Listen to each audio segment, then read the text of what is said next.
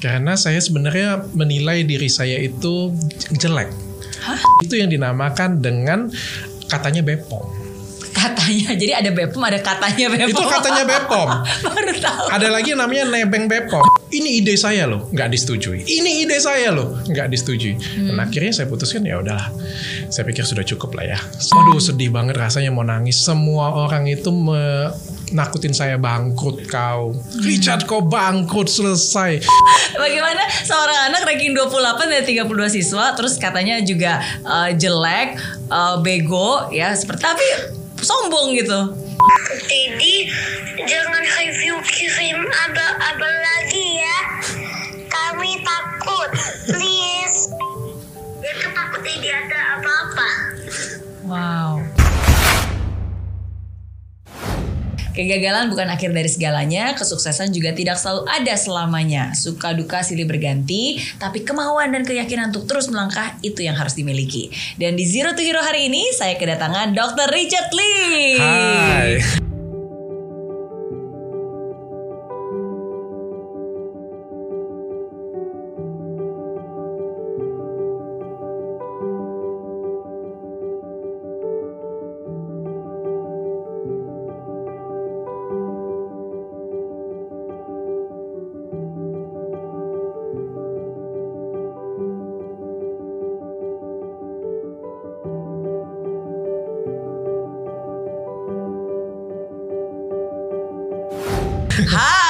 Thank you for having me. Thank you udah making the time untuk datang ke Jakarta dan Bahagia banget saya bisa diinterview oleh motivator terbaik di Indonesia. Wah, thank you so much. Ini dokter paling dicari di Indonesia sampai kali ini ya. thank you so much untuk Sama-sama, sudah meluangkan waktu. juga. Aku awalnya sih aku mau nanya dulu nih, karena Iya. kalau aku ngelihat dokter Richard itu very fashionable. Aku ngeliatin itu baju-bajunya selalu eh, sangat berbeda. Sekarang pakai panther, terus ada yang ular, terus ada yang eh, serangga-serangga, terus ada yang modelnya itu bener-bener beda banget. Itu bikin sendiri atau Oh, nyari enggak, di enggak, mana? enggak, enggak. Eh, beli semuanya. Aha. Tapi tau nggak kenapa saya sukanya seperti ini? Ah. Karena saya sebenarnya menilai diri saya itu jelek, Hah? enggak menarik. So saya tuh berpikir untuk buat diri saya menarik, Mhm. maka harus dikemas lebih baik. Oke. Masa sih nggak ngerasa bahwa dirinya oke? Enggak, karena kan saya kan dari awal kan dulu kan hidupnya miskin banget tuh. Mhm. Jadi nggak pernah ngerawat diri sampai enam tahun selesai kuliah itu nggak pernah ngerawat diri sedikit pun ya. Dan saya Mhm. nggak ngerasa diri saya itu good looking, Mhm. ganteng lah kita ngomongnya, bagus gitu ya. Jadi cara satu-satunya untuk mengemas diri saya karena saya tahu kekurangan saya itu, Mhm. maka untuk satu cara mengemasnya adalah dengan berpenampilan yang menarik, paling nggak Mhm. rapi lah. Betul, betul, unik. Ya. Tapi ini menjadi ciri khas. Nah, At least buat saya, saya itu. wow ini keren nih dokternya fashionable. itu alasannya jadi banyak banget yang tanya dengan saya saya nggak pernah kasih tahu alasannya di sini saya kasih tahu oh iya. alasan thank you, thank you. Tapi berarti ini beneran udah beli jadi? Kirain Beli jadi, kayak beli jadi. dibikin sendiri atau request Enggak, sendiri? beli jadi oh, semuanya. oke. Ntar kasih tahu ya beli di mana. Boleh, boleh. Lumayan, lumayan nyentrik soalnya. kalau di Dan Jakarta cocok. Aha. nyentrik kalau di Korea nyentrik tapi percaya nggak sampai di Palembang liatnya aneh orangnya Tapi kan justru yang aneh itu yang bikin orang ngelirik, Nah. yang bikin orang nengok, yang bikin orang bisa Berbeda. mengingat, berbeda, betul, betul. Oke, oke. Jadi eh, sudah terklarifikasi ya, berarti memang memang fashionable, memang suka, tapi memang ini juga salah satu style dari Dr. Richard ya. Iya. Oke, balik lagi. Tadi Dr. Richard bilang ngerasa jelek dari sejak kecil. iya Sekarang ganteng dong. Eh, menurut saya apa ya mungkin eh, lebih tepatnya ya kalau saya saya coba bicara jujur lah ya menurut saya eh, sukses punya banyak uang itu bisa merubah semuanya Oh. Jadi kalau saya ngomong ya, saya ngomong Iya. ya, eh, definisi orang jelek itu sekarang sudah nggak ada lagi menurut saya. Hmm, Kalau ada uang, semuanya itu bisa. ya. Menurut saya sih seperti itu. Yang ada hanyalah orang males. Nggak ada orang jelek. Ya, nggak ada orang jelek lagi. Jadi Iya. mulai dari sekarang kamus jelek itu coret semuanya. Jadi kalau mau berusaha, punya uang, berusaha lagi, Iya. semuanya bisa jadi bagus. Oke, oke. Walaupun bukan berarti punya uang itu uangnya dipakai untuk eh, merubah ciptaan Tuhan ya, tapi kan least bisa untuk merawat. Sesuatu yang baik itu Nah, harus dirawat. Betul. eh, diubah. Eh, paling nggak kan kita bisa gaji orang untuk eh, fashion designer kita. Ah, betul. Ya sesuatu seperti itu ya. Ubah dong penampilan aku. Oh warna rambutnya, Betul. stylenya diubah, seleranya diubah. Itu salah satunya. Betul, betul. Termasuk juga menjaga kesehatan berat badan tubuh, Nah, ya kan? Rambut. Karena cantik itu butuh modal memang. cantik itu betul modal. Iya jujur banget bener-bener. Dan itu kebutuhan tersier Oke. yang sekarang menjadi kebutuhan primer. Oke. Ya dulu kan kalau kebutuhan primernya makan, pakaian lah Iya. kita ngomong, tempat tinggal ya. Iya. Sekarang kebutuhan salah satu kebutuhan primer itu adalah skincare loh, Hmm. penampilan. Hmm. Tuh harus di sudah mulai berubah nih dunia. Apakah itu salah satu alasan kenapa dokter eh, Richard memutuskan untuk menjadi seorang dokter? oh enggak, saya pengen jadi dokter itu karena pengen kaya, itu sudah jelas. Oh iya. karena saya pikir dokter itu kaya, tapi Hmm. ternyata enggak enggak bisa kaya ya. Jadi dokter itu enggak akan bisa kaya. Masa? nggak akan bisa kaya. Jadi dokter itu nggak akan bisa kaya. Tapi saya nggak pernah lihat ada dokter miskin yang ketok eh, kamar tetangganya atau rumah tetangganya pinjem duit. Saya nggak pernah lihat. Tapi jadi dokter nggak akan bisa kaya. Itu sudah jelas. Kenapa dokter nggak bisa jadi kaya? Karena dokter ini kan berkaitan dengan sumpahnya ya. Jadi eh, kalau dokter sejati ya itu nggak akan bisa kaya karena kan dia mau nolong orang. Itu intinya sih. Kalau mau kaya jangan jadi dokter, jadi pebisnis. Hmm, jadinya dokter yang berbisnis. Nah, that's it.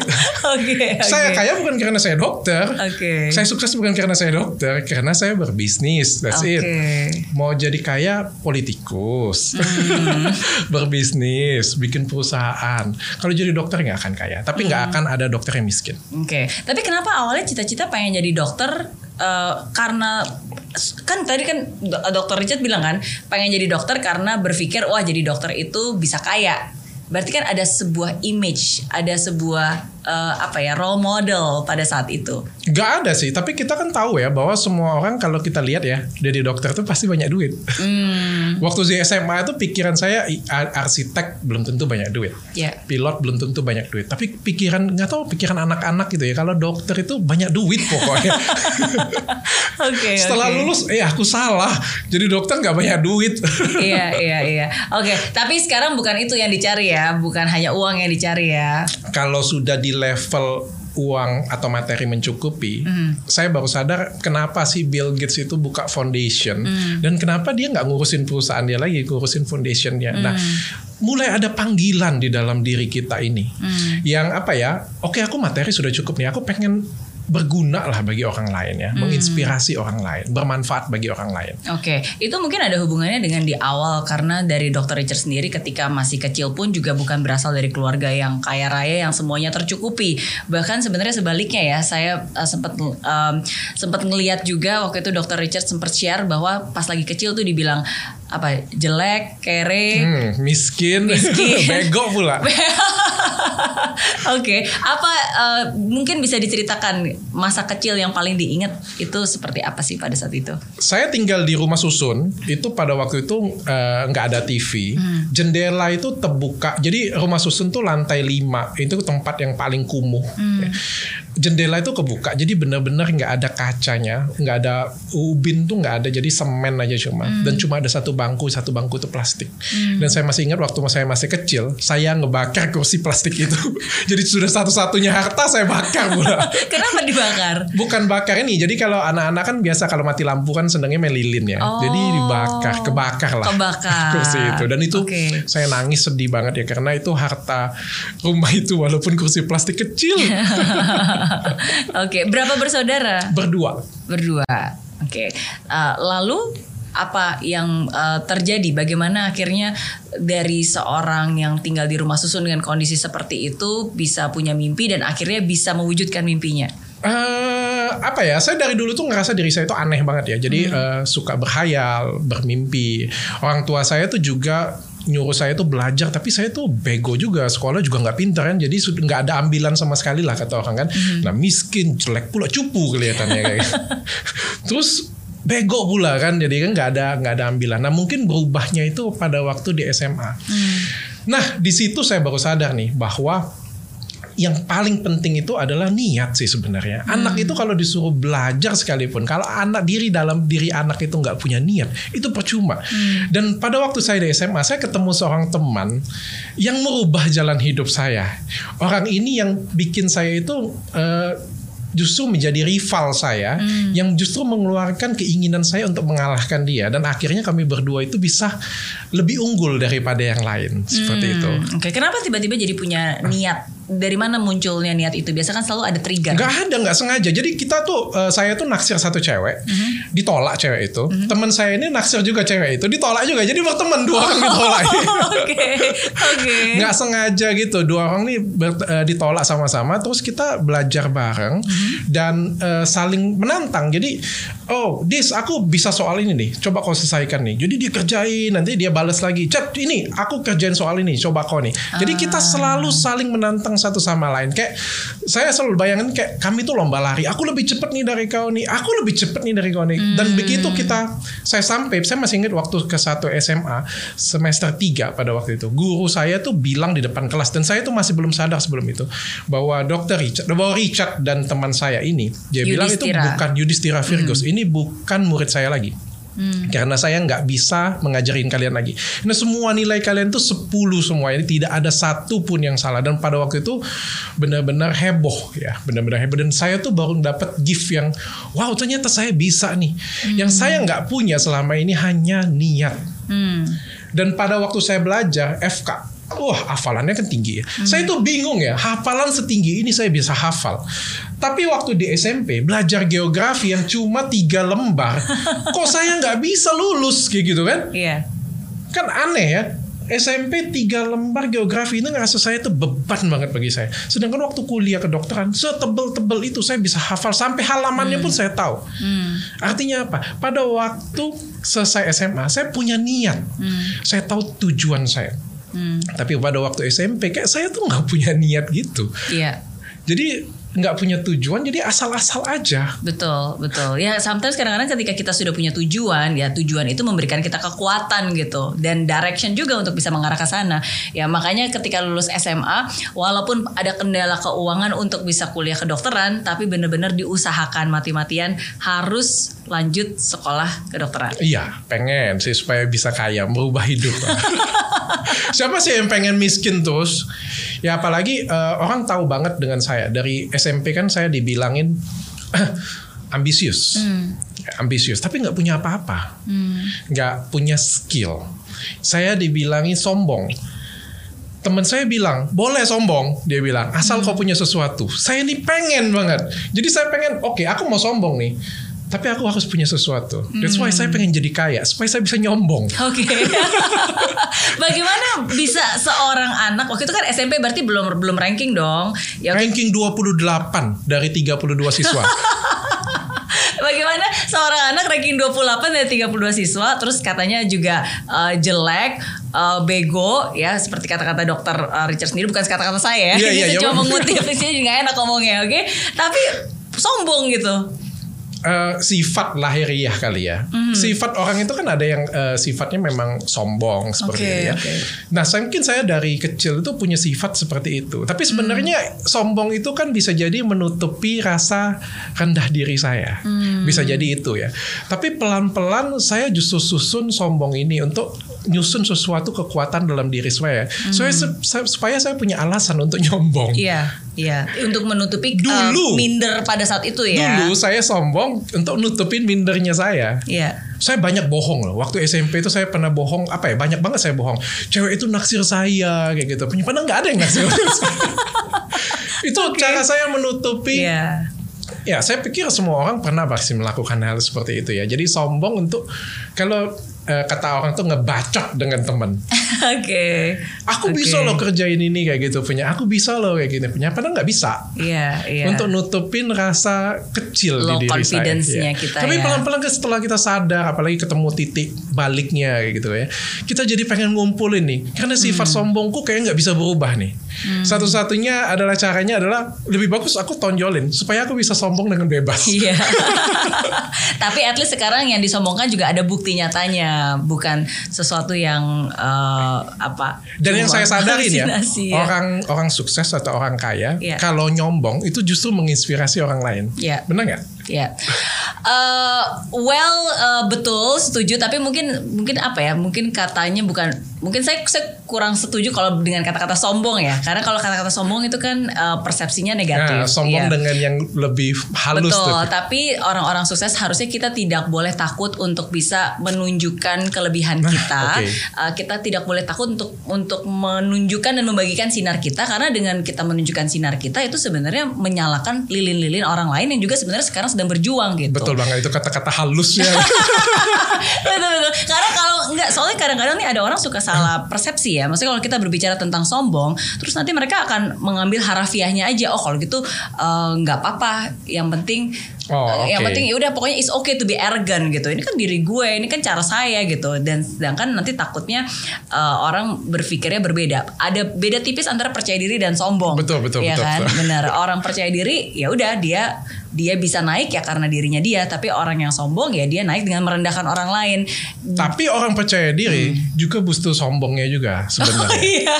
Kalau enggak dia nggak akan nggak akan keluar juga pasti. Iya, iya. Jadi ya memang dua-dua ini saling berkaitan tapi memang ada sisi negatif dari sisi sombongnya itu. Betul, betul. Ya, but, but it's okay. At the end of the day, kalau dari prinsip saya sih, yang paling penting adalah outcome-nya seperti apa. Karena pemikiran orang bisa berbeda, pandangan orang bisa berbeda, tapi yang dihasilkan, Nah. apakah itu outputnya positif atau tidak. Selama itu outputnya positif, maksudnya dengan kita sombong tapi outputnya positif, jadi uh, inspirasi Bisa atau jadi sinar pada orang lain ya. orang lain ya dan then it's fine. Tapi kalau misalnya kita lakukan itu outputnya malah jadi negatif ya mungkin kita harus berpikir dua tiga kali sebelum melakukan hal itu.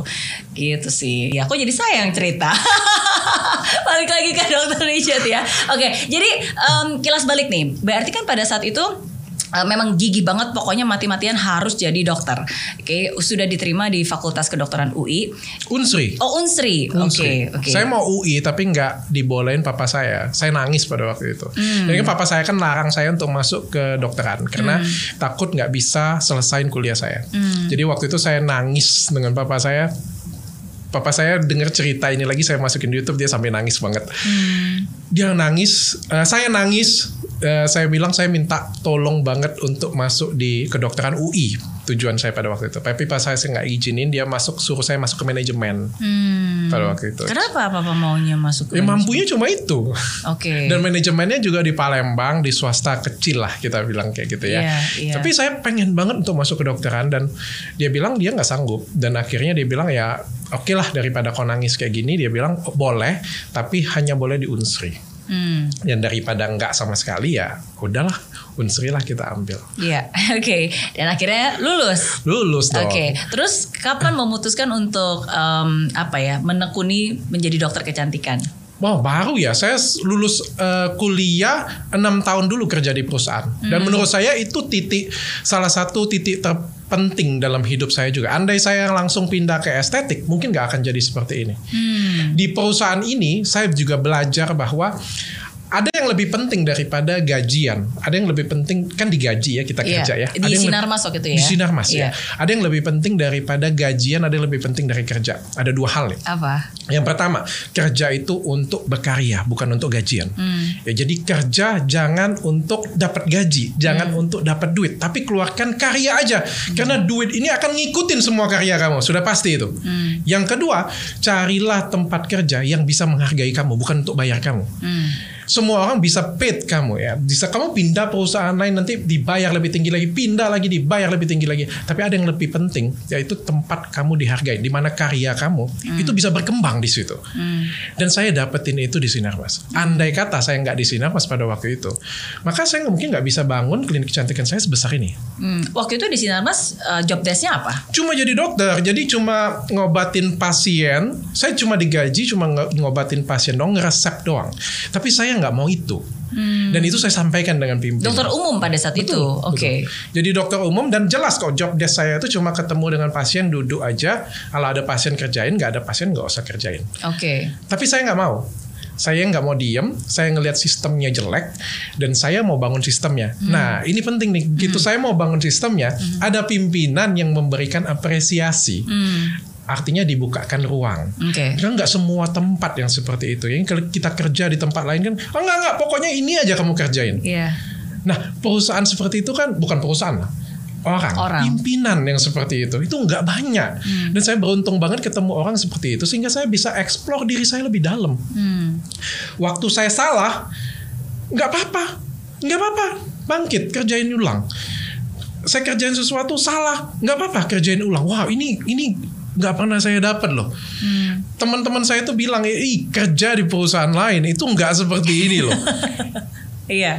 Jarang. jarang Iya. jarang banget ya kalau Kadang-kadang salah one mistake ya udah Hmm, out gitu out, kan. ya, kayak gitu Atau enggak ya. mungkin SP1, SP2 dan ini seterusnya. kayak kita dikasih kesempatan untuk explore banyak nah ini ternyata ya itu yang saya karena saya Hmm. pelajarin itu ini yang saya kembangkan di perusahaan saya Hmm. jadi saya eh, menciptakan perusahaan saya itu saya pengen menumbuhkan Richard yang baru Hmm.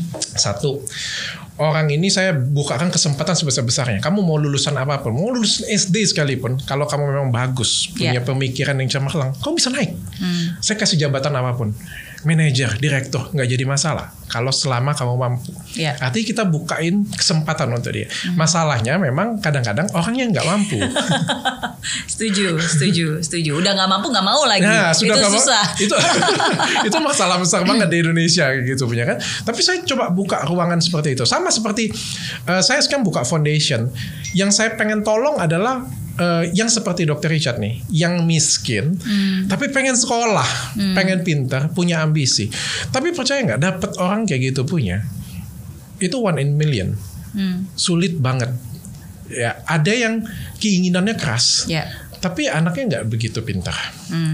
Ada yang anaknya pintar, tapi nggak punya keinginan. Oke. Atau Oke. ada mungkin, tapi di tempat lain, di foundation lain mungkin. Iya, iya, iya. Memang sometimes kadang-kadang butuh proses ya. Seperti kayak uh, Dokter Richard juga kan di awal mungkin uh, punya keinginan, tapi awalnya kan nggak tahu bahwa Ah, bisa titik- sepinter itu. Titik baliknya, mungkin orangnya belum ketemu titik belum baliknya. belum ketemu saja. titik baliknya, belum ketemu the reason uh, apa driving force-nya. Kenapa gitu. harus melakukan itu? Kenapa harus ke sini? Mungkin mungkin itu uh, one point lah ya. Betul, betul. Dan sebenarnya kan saya berharap kan saya menjadi salah satu poin itu Iya, sebenarnya. karena sebaik-baiknya kita mau membantu orang, pada akhirnya kalau orang itu nggak mau membantu dirinya sendiri ya, Ya, nggak akan bisa percuma. bergerak gitu. Jadi orang itu harus punya niat dan kemauan dulu untuk bisa Dari membantu dalamnya. dirinya dia sendiri, baru kita bisa membantu lah. Oke, oke. Balik lagi ke eh, berarti waktu itu udah lulus kuliah, terus habis itu kerja 7 tahun di sana. Itu juga yang akhirnya membuat eh, Dr. Richard mengambil S2 ya. Ngambil S2 sambil uh, kerja, ngambil sambil ngambil S2 pada waktu Iya, itu. karena memang you love management, memang suka untuk bisa memanage eh, saya Bisnis. eh, waktu itu saya jadi berpikir bahwa saya ini hidupnya di meja meeting. Jadi kalau Mary lihat saya, oh orang lain bilang, Dokter Richard kalau dengan pasien tuh hebat banget, tangannya jago banget, skill. Sebenarnya kalau saya ngomong tuh public speaking ya, kalau saya ngomongnya, Eh, public speaking saya cukup baik. Tapi saya rasa saya hidup di meja meeting. Jadi pada waktu idea, saya jagonya di situ sebenarnya bikin idea, eksekusi idea di meja meeting, pembagian tugas. Makanya saya bilang dengan istri saya, saya ini lahir di meja meeting. Saya bilang, waktu pindah ke Athena, aduh, saya itu bukan saya banget. Saya bilang kan saya pengen itu meeting setiap hari kalau bisa. Iya. Karena di situlah hidupnya saya seperti itu. Waktu saya pindah ke Athena, itu yang saya hilang. Hmm, Oke, jadi membuat Athena itu pas lagi masih kerja atau sebenarnya berhenti bekerja dulu terus baru buat Athena itu Athena? saya diriin untuk istri saya bukan untuk saya. Jadi saya diriin untuk istri saya untuk apa ya mainan dia aja lah. Saya nggak mau pegang Athena itu. Jadi klinik kecil yang saya kasih istri saya karena kalau kerja dengan orang lain itu kan eh, apa ya pasti kena marah nih. ya dong kalau kerja Oke. dengan orang lain sebaik-baiknya sepintar-pintarnya pasti kena marah kan. Iya. Jadi saya kasih ke istri saya supaya dia nggak kena marah. Terserah Oke. dia dia mau dia apain itu kliniknya. Dan saya nggak ganggu klinik itu. Dan saya tetap fokus di sinar mas. Hmm, Dan saya berhenti dari Sinarmas itu karena ya ada masalah juga. Jadi eh, pimpinan yang tadi memberikan apa ya ruangan pada saya untuk berkembang, pimpinan ini keluar atau dipindah. Oke. Nah kalau di Indonesia kalau presidennya diganti, maka menterinya juga ikut diganti.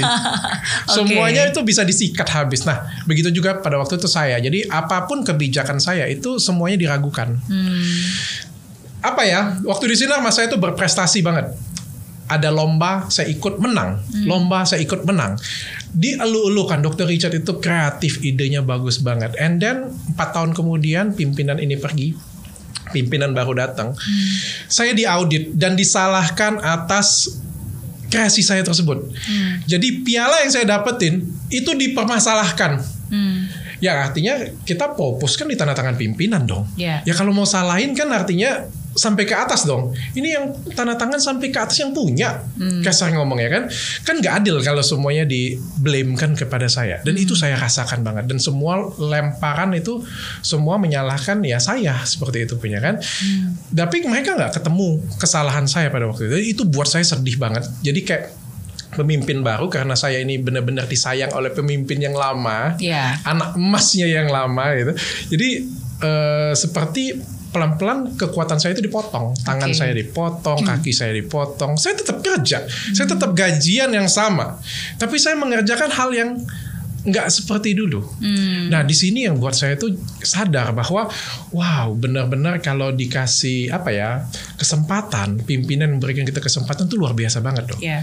Dan saya merasakan bahwa kalau nggak dikasih kesempatan tuh rasanya seperti apa. Even kita pintar sekalipun, even kita kreatif sekalipun, kalau pimpinan kita no, no, no, no, bodoh gitu jadinya. nggak ada ruang untuk bisa berkarya. Iya. Sedangkan tadi kan Dokter Richard bekerja bukan hanya untuk uang aja, tapi kan karyanya itu. Dan saya tetap pengen keluar dari dari lingkaran itu. Tetap ini ide saya loh, nggak disetujui. Ini ide saya loh, nggak disetujui. Dan akhirnya saya putuskan ya udahlah. Saya pikir sudah cukup lah ya. Saya keluar dari sinar mas. Oke, dan menjadi entrepreneur, dokter slash entrepreneur. Hmm, kurang lebih eh, sebenarnya pengen eh, jadinya istri saya itu jadiin dokter kecantikan dulu. Dan Oke. waktu itu saya nggak pede karena kan saya penampilan saya nggak menarik. Saya sudah bilang saya ini nggak menarik, saya nggak ganteng. Dokter kecantikan kan harusnya ganteng. Saya bilang kayak gitu kan. Terus istri saya bawa tuh ke simposium. Tuh lihat dokter kecantikan lain katanya. Ada juga kan dia bilang kan.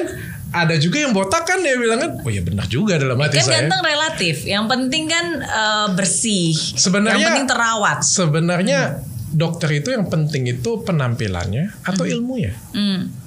Ilmunya kan. Ilmu, betul, ilmu. Tapi sometimes kadang-kadang orang melihat kalau dia nggak mempraktekkan ilmunya ke penampilannya, gimana saya bisa percaya? Kalau dia nggak mempraktekkan ke dirinya sendiri, gitu kan? Tapi saya pernah melihat dokter kecantikan pada waktu itu ya, yang saya lihat adalah satu dokter kecantikan, saya nggak sebut nama, penampilannya nggak bagus, tapi pintar banget dan jago banget, dan itu menginspirasi saya. Oh, Berarti saya bisa nih, asal saya memang ini kelemahan poin saya, bukan minus, tapi Ya. ini kelemahan saya, ini weakness saya nih. Ya. Tapi saya punya strength di tempat yang lain. Saya coba kuatin strength saya di tempat yang lain. Hmm, Apa strength saya? Ya, saya bisa menjelaskan lebih baik daripada dokter lain ya.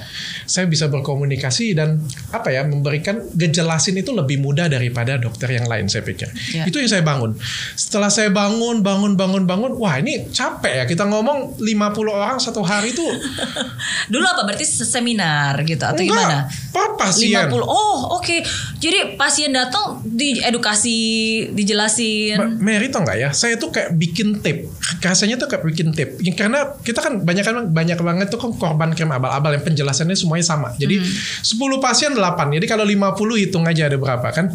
Ada Oke. 40 orang. Dan penjelasannya itu semuanya sama kurang lebih setengah jam jadi kayak saya itu sudah bacain cerita wajib ibu bla bla bla bla bla bla bla datang lagi ibu bla bla bla bla kayak gini rasanya saya pengen rekam jadi begitu ibu datang oke abal-abal klik Karena 80% uh, pasien yang datang ke Dr. Richard adalah korban dari kosmetik abal-abal. dan saya pengen eh, mereka itu dirubah mindsetnya. Saya tuh bisa datang, oke, hmm, oke, oke. Dia beli nggak? Beli pasti. Dia akan ambil treatment ini karena dia percaya dengan dokter. Tapi saya harus memutus rantai di mana dia ini pakai abal-abal. Jadi ketergantungan. Jadi kamu pindah ke tempat lain, pindah ke tempat lain, pindah ke tempat lain. Apa yang kamu cari? Yang abal-abal ini. Karena kamu tergantungan. Dan untuk itu saya harus menjelaskan dengan mereka, why kamu harus berhenti. Hmm. Dan itu panjang penjelasannya, bisa setengah jam. Yang jadi masalah adalah setiap hari kayak gitu terus. Iya. Dan ini panjang, melelahkan. Akhirnya saya bilang, oke, sudah saatnya saya keluar. Saya mau edukasi. Kebetulan ya kita juga ngerasa sudah cukup. Hmm. Saya bilang dengan istri saya ini kameramen saya, saya bilang eh, saya mau jajan, kalau saya jajan juga tinggi, saya bilang daripada saya jajan, lebih bagus saya bayar kamera kameramen aja lah ya. Daripada saya clubbing, karaoke kan kayak gitu kan. Saya jajan saya kameramen aja lah ya, sama beli kamera. Oh ya silakan Oke. ya, seneng banget lah istri saya kan. Daripada karaoke kan gitu. Betul. Bikin nggak nyangka juga dari kecil pelan pelan pelan pelan dan akhirnya wah ini luar biasa banget yang kita rasakan. Itu awal mulanya akhirnya membuat uh, konten-konten yang ada di YouTube. betul. Oke, berapa dari tahun berapa tuh berarti? 2018 ya mungkin ya mulainya dua tahun lebih ya Oke, oke. Uh, lalu em, sekarang kan ini salah satu hal yang yang uh, apa ya cukup baru dalam arti karena Dr. Richard juga cukup berani untuk uh, menunjukkan dengan jelas dan mereview dengan apa? Dengan Terbuka. jujur dengan terbuka. Dengan terbuka.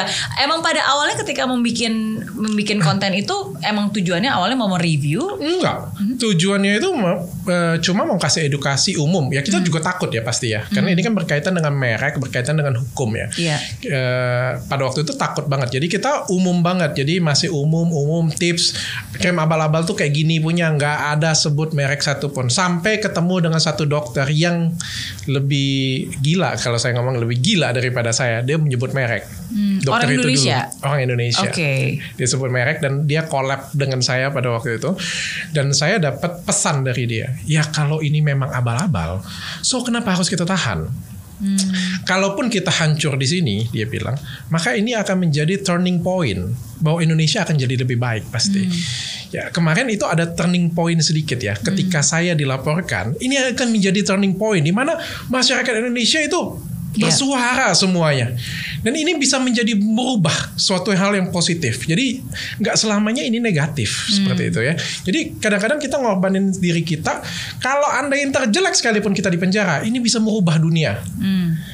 seperti siapa ya? Mungkin presiden Afrika dulu ya. Nelson itu. Mandela salah satu contohnya Salah satu contoh ya. Oke. Dengan dia dimasukin di penjara kan bisa ngubah justru ini salah satunya. Dia bilang sisi positif dalam hati saya bego juga. Aku nggak mau di penjara.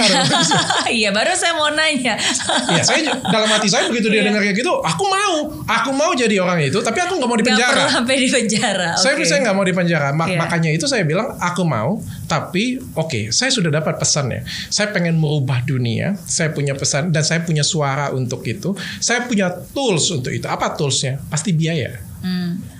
Untuk ngecekin ini kan pakai biaya, nggak sedikit biaya. Saya punya, oke, saya akan ubah ke sana. Dan tapi saya nggak mau masuk penjara. Jadi kayak gimana caranya? Saya harus melakukan research yang benar-benar valid. Saya mau berbicara kalau hasilnya benar-benar lab. Hmm. Saya mau mau ini kalau tim saya ini semuanya sudah bagus. Jadi belinya sudah jelas, lengkap, administrasi bagus, Ya. baru saya bicara. Kalau enggak saya nggak mau bunuh diri. harus ada faktanya dulu berarti ya baru Dan setiap bersuara kali saya upload ke YouTube channel saya, kuasa hukum harus nonton. kuasa hukumnya Dr. Richard Jadi di review benar-benar, at least ya semua orang kan berhak untuk memberikan gugatan. Orang Indonesia kan negara hukum kan mau kasih gugatan boleh-boleh saja kan. Iya. Tapi kan paling enggak kuasa hukum saya sudah tahu bahwa ada kekuatan lah Hmm. gitu punya kan. Oh ya ada sudah di review sebelumnya. Oke, apa tujuan akhirnya end game-nya ke mana? Maksudnya dalam arti kan uh, ad- em, apa ya? Kalau dari Dr. Richard sendiri sampai begitu mau mengupload konten pun harus kuasa hukum harus nonton. Berarti kan seakan-akan ini sangat apa ya? Sensitif uh, dong. Sensitif banget gitu. Jelas lah kalau itu sensitif. saya saya tahu bahwa kalau saya ngomong sesuatu, terutama ini kan kita ngomongin abal-abal ya atau sesuatu yang berbahaya ya. Kalau kita ngomong sesuatu, kalau saya salah, maka itu bisa menghancurkan orang lain. Saya setuju. Kalau saya salah, kalau saya salah ini bukan abal-abal dan saya katakan ini abal-abal itu bisa menghancurkan orang lain. Tapi kalau saya benar, ini akan menyelamatkan banyak orang. That's why makanya saya harus teliti benar-benar apakah ini abal-abal atau enggak. Kalau enggak, kalau saya ragu-ragu mending saya nggak naikin deh.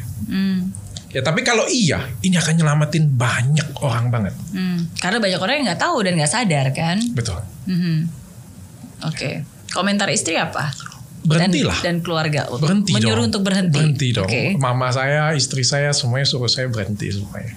Tapi kayak panggilan hidup ya kayaknya sudah eh, ini sudah mobilnya sudah jalannya akselerasinya sudah nggak bisa dihentikan. Oke. Bagaimana seorang Mary Riana disuruh berhenti untuk memotivasi orang lain coba? cukup lah Iya, Mary kata iya, mama iya, ya kan iya. cukup lah sudah cukup kayak gitu tapi kayak sudah jadi panggilan hidup dan eh, akhirnya saya menemukan panggilan hidup saya susah juga ngomong Iya, iya, betul. Well, there biasanya kan there's always um, purpose in every pain. Jadi sometimes kadang-kadang panggilan itu bisa terbentuk atau tersadarkan karena ada pain yang pernah kita alami, ada kesulitan yang pernah kita sendiri lalui dan itu menjadi keresahan dan akhirnya itu dari keresahan akhirnya berubah menjadi sebuah tujuan gitu. Jadi kalau dokter uh, Richard sendiri apakah mungkin sebelumnya pernah mengalami Nggak memakai pernah. produk abal-abal atau No no, Eh, ada beberapa orang yang menurut saya ya eh, harus mencoba dulu, baru bisa ses- dapat sesuatu intinya ya. Tapi ada orang yang juga yang mendapat cerita dari orang lain, tapi dia belajar dari sesuatu itu. Mungkin karena saya setiap hari ketemu 8 dikali 5 orang itu 40 orang dan banyak banget yang ngechat dengan saya korban Iya. dan itu kayak merasukin saya Oke. dan saya harus belain mereka dan ini menurut saya kalau bisa jadi wabah ini sudah wabah sih menurut saya. Ini harus diubah. Ya karena sesuatu yang dipakai setiap hari, ya kan? banyak yang seperti saya. Nggak dikit yang seperti saya. Tapi yang bersuara lantang yang berani itu memang belum banyak. Hmm. dan saya rela untuk jadi yang pertama untuk membuka gerbang ini. Hmm. supaya orang-orang lain muncul. Setelah saya banyak loh muncul yang lain, beberapa yang lain sudah mulai muncul, sudah mulai menyebut, tapi nyebut mereknya yang benar-benar hitam. Jadi kalau di skincare itu ada yang hitam, ada yang abu-abu, ada yang putih kita bilang. Oke. Putih itu aman. Iya. Ya.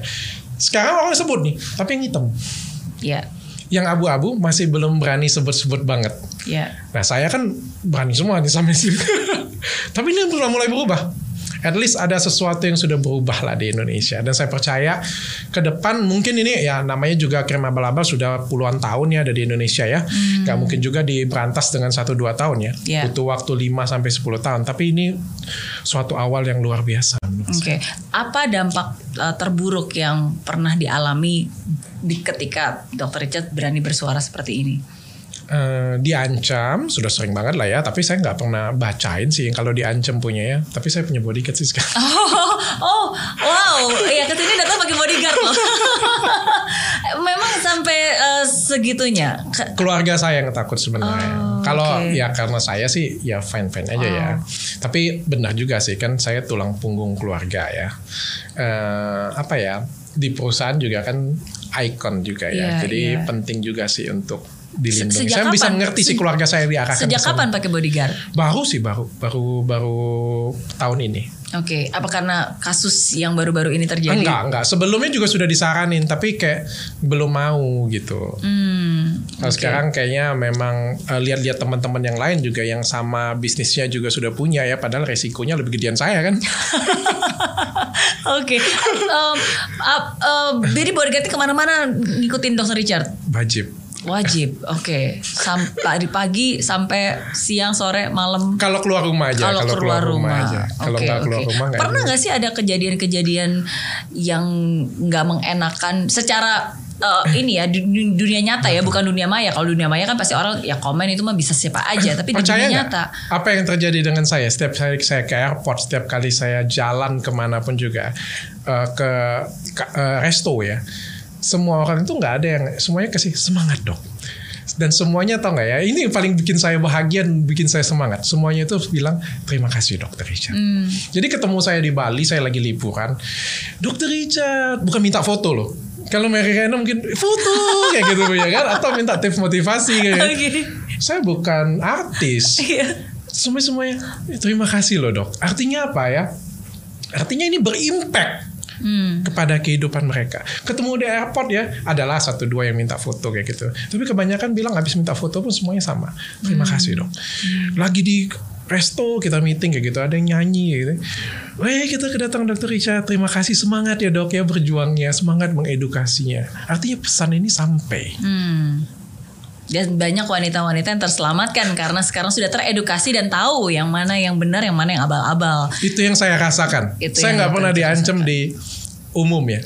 Hmm. Justru itu yang saya rasakan.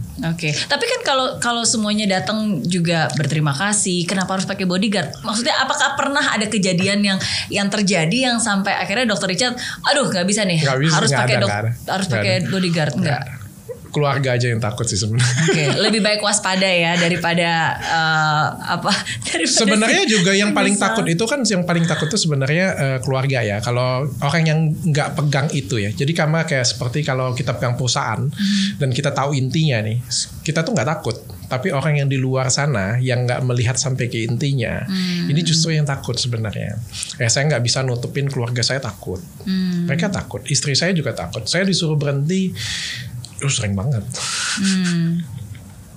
Ya karena again yang yang di uh, bukan diserang ya maksudnya ini kan berdampak kepada uh, bisnis orang lain di mana ini bukan bisnis kecil-kecilan tapi ini adalah bisnis yang cukup besar dan menggurita. Dan ini juga ada mafianya. Mhm. Percaya nggak percaya memang ini ada mafia mafianya dan ini banyak melibatkan orang banyak bukan orang sedikit. Oke, kalau kalau dokter Richard nggak takut berarti sebenarnya apa sih ketakutan terbesar dalam hidup dokter Richard? Em, apa ya? Saya takut takut sendiri ya.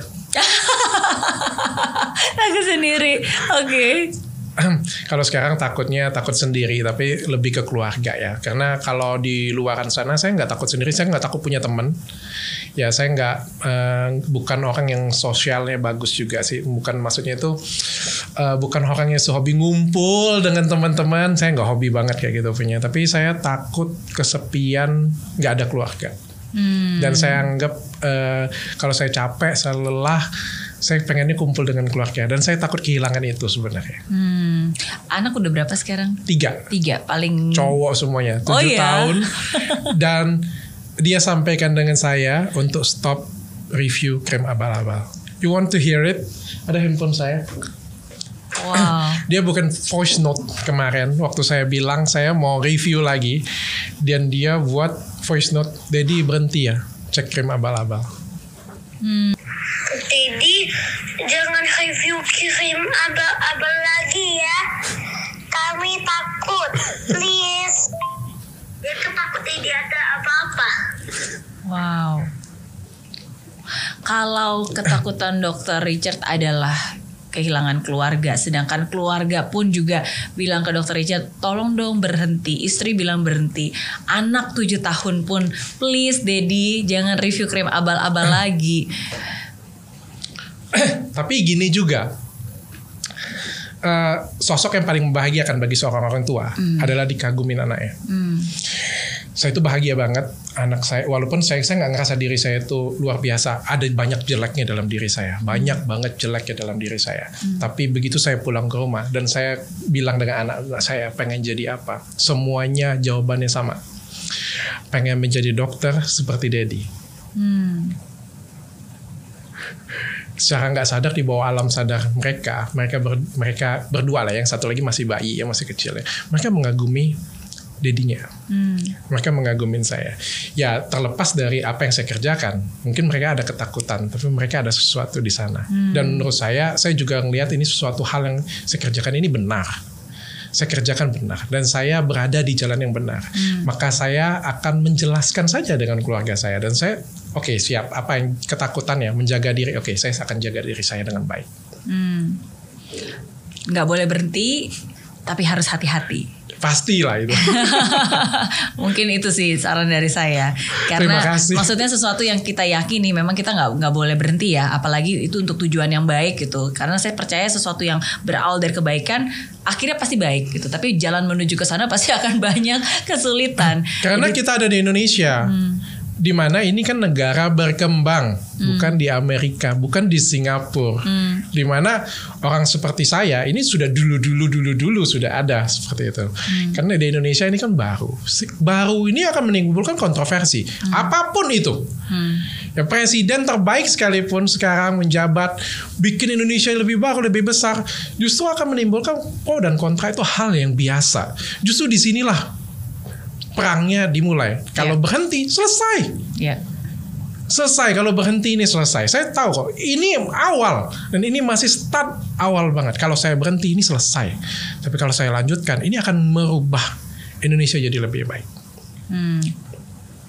Hati-hati. Setuju, tapi jangan berhenti. Setuju, yeah, but you have to really take care of yourself and your family too. Thank you. Maksudnya, um, karena again, uh, ya kalau menurut saya ya, of course satu orang bisa bisa menjadi pencetus untuk mengubah tapi at the end of the day nggak hanya kerjaan satu orang aja maksudnya dokter Lee harus harus ada banyak harus ada orang-orang lain bukan cuma orang lain ya mungkin institusi juga harus bisa memberikan support dan dukungan karena ini kan sebenarnya bukan bukan tugasnya Betul. uh, dokter Richard seseorang aja kan sebenarnya ada institusi-institusi lain lebih ke yang membangun sih sebenarnya. Jadi institusi kita ini sebenarnya sudah bagus, Iya. bukan jelek. Jadi institusi kita ini sudah bagus. Cuma masyarakat Indonesia ini terlalu banyak. Jadi ada 260 juta ya sekarang ya. Kan capek tuh ya. Institusinya bagus tapi 260 jutanya ini terlalu banyak. Makanya itu saya coba sentuh yang 260 jutanya ini. ya Yang jadi permasalahan di krim abal-abal ini bukan produknya ada di mana-mana itu salah satu permasalahan sih. Dan saya kan nggak bisa sita, saya nggak bisa eh, tangkep orangnya. Ya. Yang jadi permasalahan demandnya besar, banyak yang mau. Nah, saya mau putus rantai ini supaya demandnya nggak ada, supaya orang yang jual abal-abal pun bilang males jadi ya. Iya, iya, iya. Tapi kenapa bisa tersebar kalau misalnya memang itu eh, tidak sesuai dengan standar Indonesia? Ya, you know lah ya kalau di Indonesia bagaimana ya. Oke, oke, oke. Ya udah kita nggak akan ngebahas itu lah. kita ngomong tentang nasihat aja deh kalau gitu. Nasihat terbaik apa nih yang Dokter Lee pernah dapatkan dalam hidup? Apa ya mungkin ya kerja keras lah ya semuanya itu eh, semuanya kerja keras dan juga harus punya niat. Kalau orang nggak punya niat itu nggak punya inti dari kegiatan dia. Jadi ya kok kamu nggak akan dapetin apa-apa? Hmm. Titik terendah yang pernah Dokter Richard alami? eh kemarin saya pernah buat status sekitar tiga tahun yang lalu status Facebook dan itu sensitif banget. Pada waktu itu saya menyinggung HRS Hmm. fatal banget. Iya. fatal banget. Saya dicari semua orang di Indonesia dihujat semua orang. Jadi jangan lihat yang saya sekarang yang uh, banyak yang dukung katanya kayak gitu ya. Pada tiga tahun yang lalu saya dihujat banyak orang.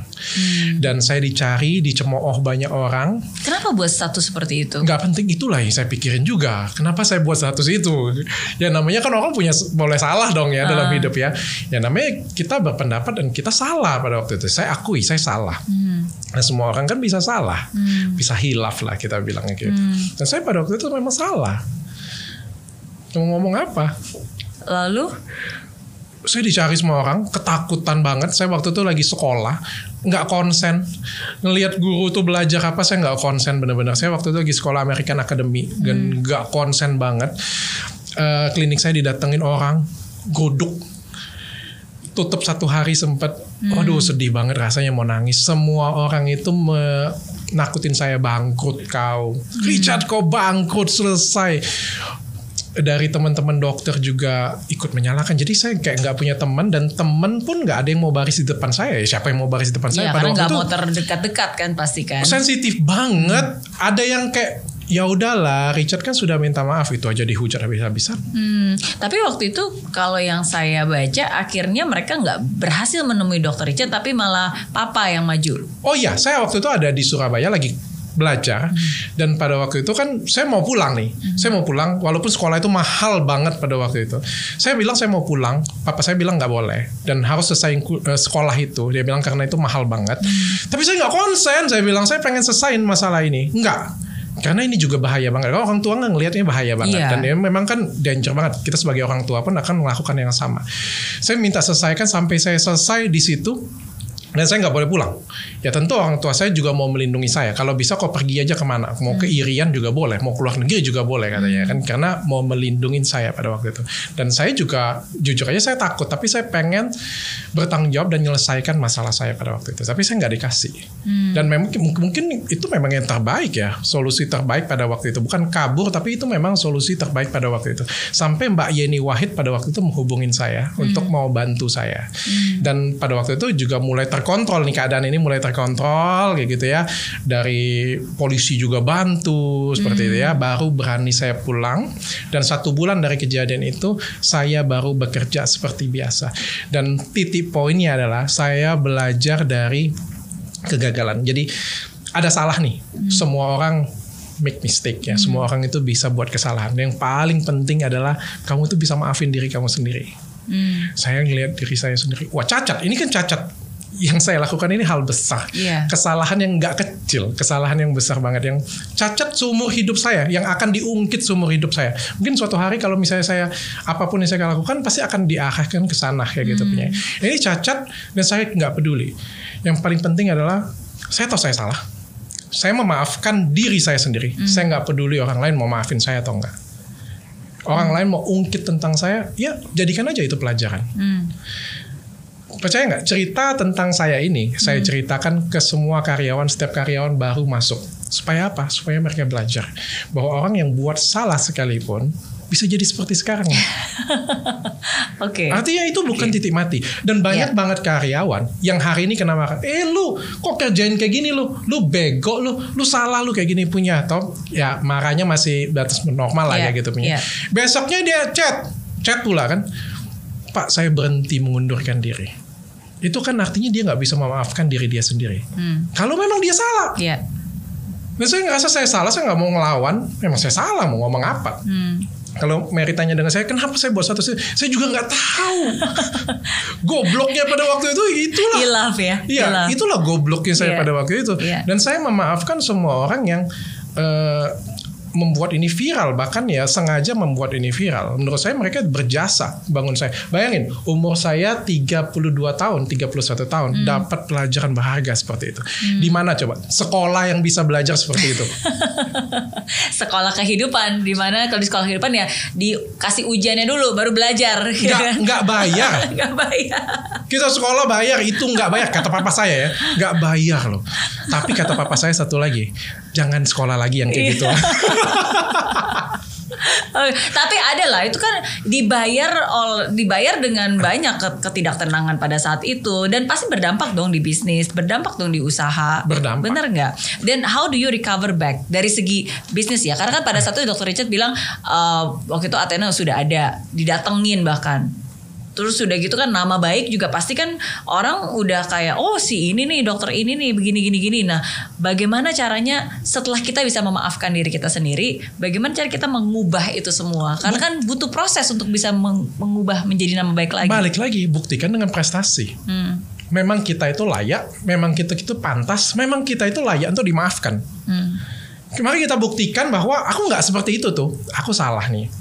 Semua orang berhak salah, semua orang pernah salah. Hmm. Paling enggak ya kita nggak nggak melakukan itu lagi. Aku sudah tahu salah dan aku nggak mau kayak kemarin ya ada permasalahan kemarin mau dibawa-bawa ke arah agama. Sedikit pun saya akan nggak akan gubris, Hmm. nggak akan ganggu ke sana kayak gitu punya. Karena saya sudah pernah dapat pelajaran yang luar biasa banget. Anda kata saya dulu nggak di kuliah nggak dapat itu. Jadi kan ini musibah yang menjadikan saya itu jadi naik tingkat justru Iya. naik lagi dan setiap kali saya ketemu masalah setelah kejadian itu karena itu kejadian besar banget pengaruhnya bagi hidup saya ketemu masalah ini ketemu masalah itu ah nggak ada apa-apanya dibanding masalah ini Hmm. Oke. ini sewa tempat di Surabaya nih orang yang Surabaya ngamuk-ngamuk tuh sampai tuntutan ke ini hukum nih kayak gitu nggak ada apa-apanya selesain aja. Tenang banget kita Iya, itu. iya, karena iya. kita menghadap bayangin saya pikir semua orang yang ada di atas itu pasti pernah menghadapi masalah besar. Hmm. mau atau nggak mau suka atau nggak suka Ya, setuju. Maksudnya orang bes orang bisa menjadi besar karena dia berhasil menyelesaikan masalah-masalah besar yang pernah terjadi dalam hidupnya. dan saya cinta masalah saya itu andai kata memang harus diulang lagi saya bisa ngulang waktu mungkin saya akan tetap mengulangi kejadian yang sama bukan ngulangin kesalahan yang sama supaya saya dapat pelajarannya Hmm. supaya menjadikan saya jadi orang yang lebih baik Oke. Well, ya kita nggak nggak boleh menyesali apa yang terjadi ya, karena kan udah terjadi sudah terjadi, tapi kita ambil pembelajarannya. toh saya dapat pelajarannya kok Dan, dan digunakan untuk konteks saat ini berarti. Ya, tapi emang benar sih kadang di hidup ini kita harus tahu eh, kapan kita harus eh, berhenti berjuang dan kapan ya kita harus ya udah tetap terus berjuang. Dalam kondisi konteks mungkin tiga tahun yang lalu ya, ya dokter Richard tahu bahwa oke ini buk ini hal yang salah ya udah stop jangan diteruskan dan diperjuangkan gitu. Tapi yang saat ini kan itu situasinya berbeda. Jangan make excuse jangan ya make excuse. Jelas salah mesti mau excuse pula kan. Oke, oke. Nah, em, kalau tadi tadi dari dari kecil ya, dokter Richard bilang emang sombong gitu dan is okay untuk sombong. Em, pernah gak sih kepikiran bahwa suatu saat kesombongan itu takutnya justru malah berbalik dan justru malah menjatuhkan? Oh iya, ngeri banget memang ya. Jadi kalau sombong dengan cara yang salah itu justru eh, jadi berbalik ke diri kita sendiri ya memang ya. Dan saya juga sering banget ngalamin seperti itu ya. Nyombong punya sesuatu, nyombong punya ditaksir cewek ya itu punya kan ketahuan kan malu banget. Iya. Saya pernah waktu SMP itu nyombong bisa buat tulisan yang bagus dalam bahasa Inggris puisi untuk memikat wanita lah kayak gitu ya. Padahal lirik lagu tuh yang saya tulis. Oke. Lirik lagu. Dan ketahuan kan malu banget. Iya iya iya. Kan malu banget. Itu kecil loh. Kayak gimana kalau misalnya kita nyombong dalam versi yang lebih besar dan itu pukulan yang luar biasa bagi kita. Saya tahu. Iya. Tapi yang saya dapetin juga Sebenarnya uh, dengan cerita seperti itu kan beresiko buat dokter. Jadi kan banyak-banyak orang yang negatif berpikir tuh kan memang dari kecil emang suka ngasal ngomongnya, suka ngibul, suka ngebohong. Siapa sih yang dari, dari kecil sampai besar itu nggak punya eh, pengalaman negatif dalam hidup dia? Saya pikir dengan kita buka seperti ini kan justru saya jadi belajar. Semua orang pernah pasti. Siapa sih nggak pernah bohong? Munafik banget deh orang yang ngomong seperti itu punya. Iya, iya. Yang Justru bilang kan- nggak bohong justru dia lagi bohong. Iya.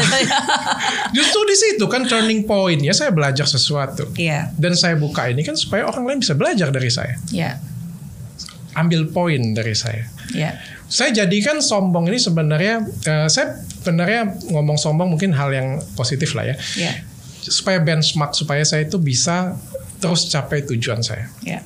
Paling nggak saya bisa mempertahankan diri saya nih. Untuk mempertahankan diri saya saya harus lebih baik lagi nih. Supaya saya ngerasa diri saya misalnya saya ngerasa pengen oh saya pengen jadi orang baik nih maka saya harus berbuat baik. Iya.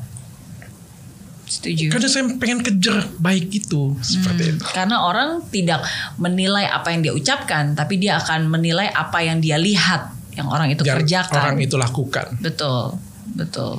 Oke, oke. Terakhir nggak afdol kalau ada dokter Richard, tapi kalau nggak ngomongin tentang kecantikan ya. Oke, jadi ini tips untuk orang umum awam yang kalau ngelihat produk tuh gimana kita bisa tahu ini abal-abal atau enggak?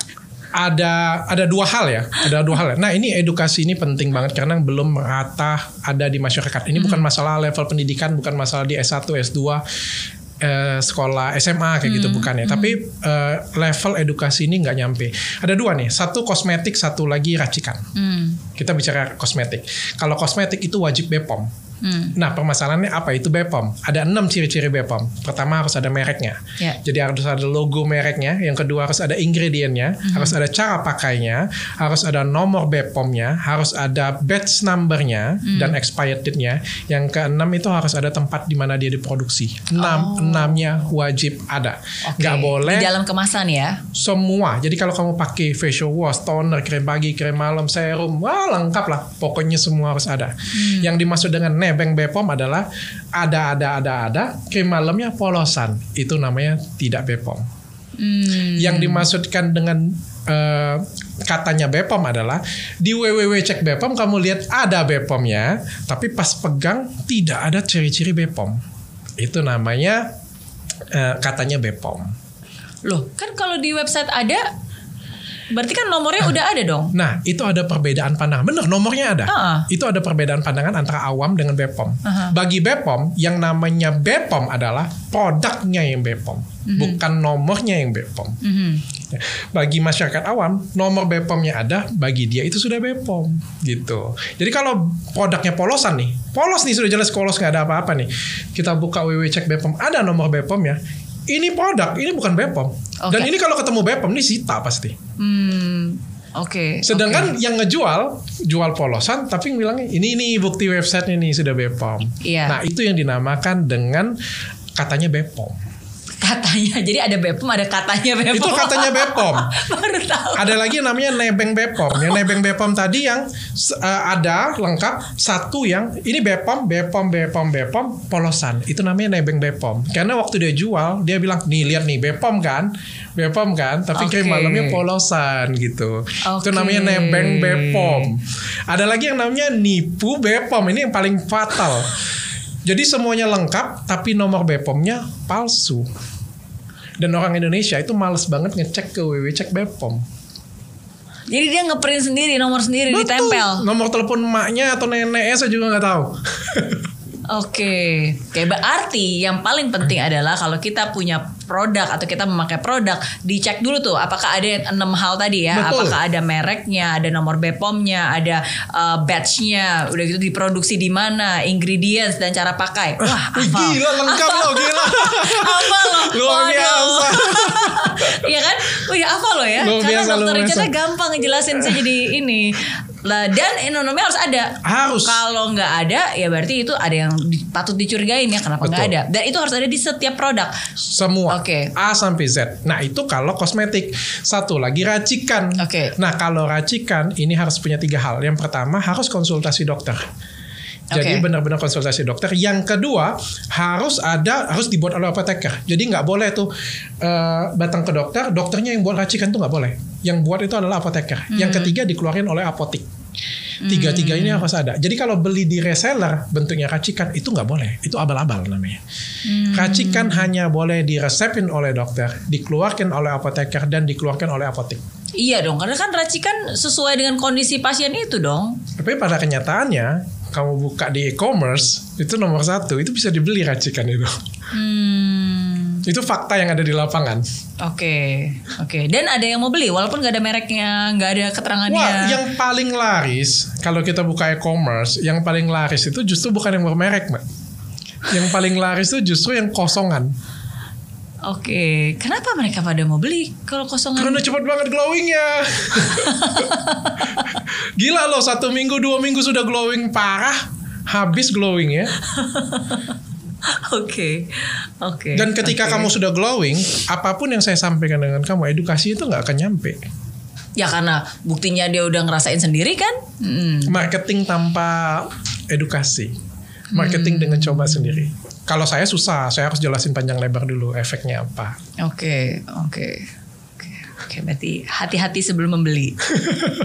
ya, Ya, edukasinya mudah-mudahan bisa sampai lah ke semua masyarakat supaya mereka cantik ini kan penting banget sekarang ya. Penampilan ini penting banget. Jadi eh, harus cantiknya dengan cara yang sehat. hmm, yes. Karena diri kita ini aset zaman sekarang. Dulu Setuju. aset itu mobil, rumah, sekarang aset itu diri kita setuju, sendiri. Setuju, setuju. Se- Sebenarnya ya itu aset yang nggak akan bisa tergantikan sih. Maksudnya apa yang ada di, di, di tubuh kita kan, termasuk juga apa yang ada di dalam pikiran kita juga. Oke, thank you sudah membagikan banyak banget ilmu. Thank you sudah mengedukasi. Thank you sudah berani untuk membuka suara untuk men- mengedukasi masyarakat Indonesia khususnya wanita-wanita yang mungkin pengen instan ya, eh, apa bisa tampil baik gitu. Tapi ya bukan salah mereka juga sih karena kadang-kadang mereka juga nggak ngerti dan nggak tahu gitu. Tapi sekarang dengan adanya informasi ya semoga lebih banyak lagi orang-orang yang bisa eh, lebih hati-hati sebelum membeli, lebih tahu gitu apa saja indikasi-indikasinya yang harus diperhatikan. Terima kasih juga Mbak Mary sudah membantu edukasi ini tersebar lebih luas. Sama-sama sukses, eh, semangat. Dan hati-hati ya. Dan hati-hati hati-hati nggak tapi aku aku selalu bilang memang maksudnya eh, jangan berhenti ya tapi ya harus hati-hati hati-hati itu dalam arti ya ya kita harus berpikir dua tiga kali sebelum kita melakukan ya karena kan ini ra- rancu dalam arti apa pun juga yang kita lakukan sebenarnya kalau itu benar tetap aja sama orang bisa dibolak-balikan tetap aja ada celahnya tidak ada sesempurna sesempurnanya orang Betul. kalau mau dicari kesalahannya pasti ada kan akan ada kesalahannya gitu Betul. ya jadi eh, ya tapi ya percayalah kalau itu sesuatu yang baik Pasti pasti benar. banyak orang-orang baik juga yang akan memberikan support dan dukungan. Thank you, Mbak. Amin. Oke, thank you dan buat semuanya semoga apa yang dibagikan hari ini bermanfaat. Jangan lupa juga untuk subscribe channel YouTube-nya Dr. Richard Lee. Thank ini you. oh Dr. Richard Lee itu nama asli. Enggak, Richard aja nama saya itu sebenarnya. Oh gitu. Kok ada Lee-nya? Eh, karena banyak banget yang namanya Richard. Jadi marganya dimasukin. Oke, ya tapi berarti nama asli dong, Iya, kan iya. nama marga. Ya, oke. Harus subscribe, oke dan uh, semoga apa yang dibagikan hari ini bisa bermanfaat buat kalian semua. Thank you. Thank you, bye.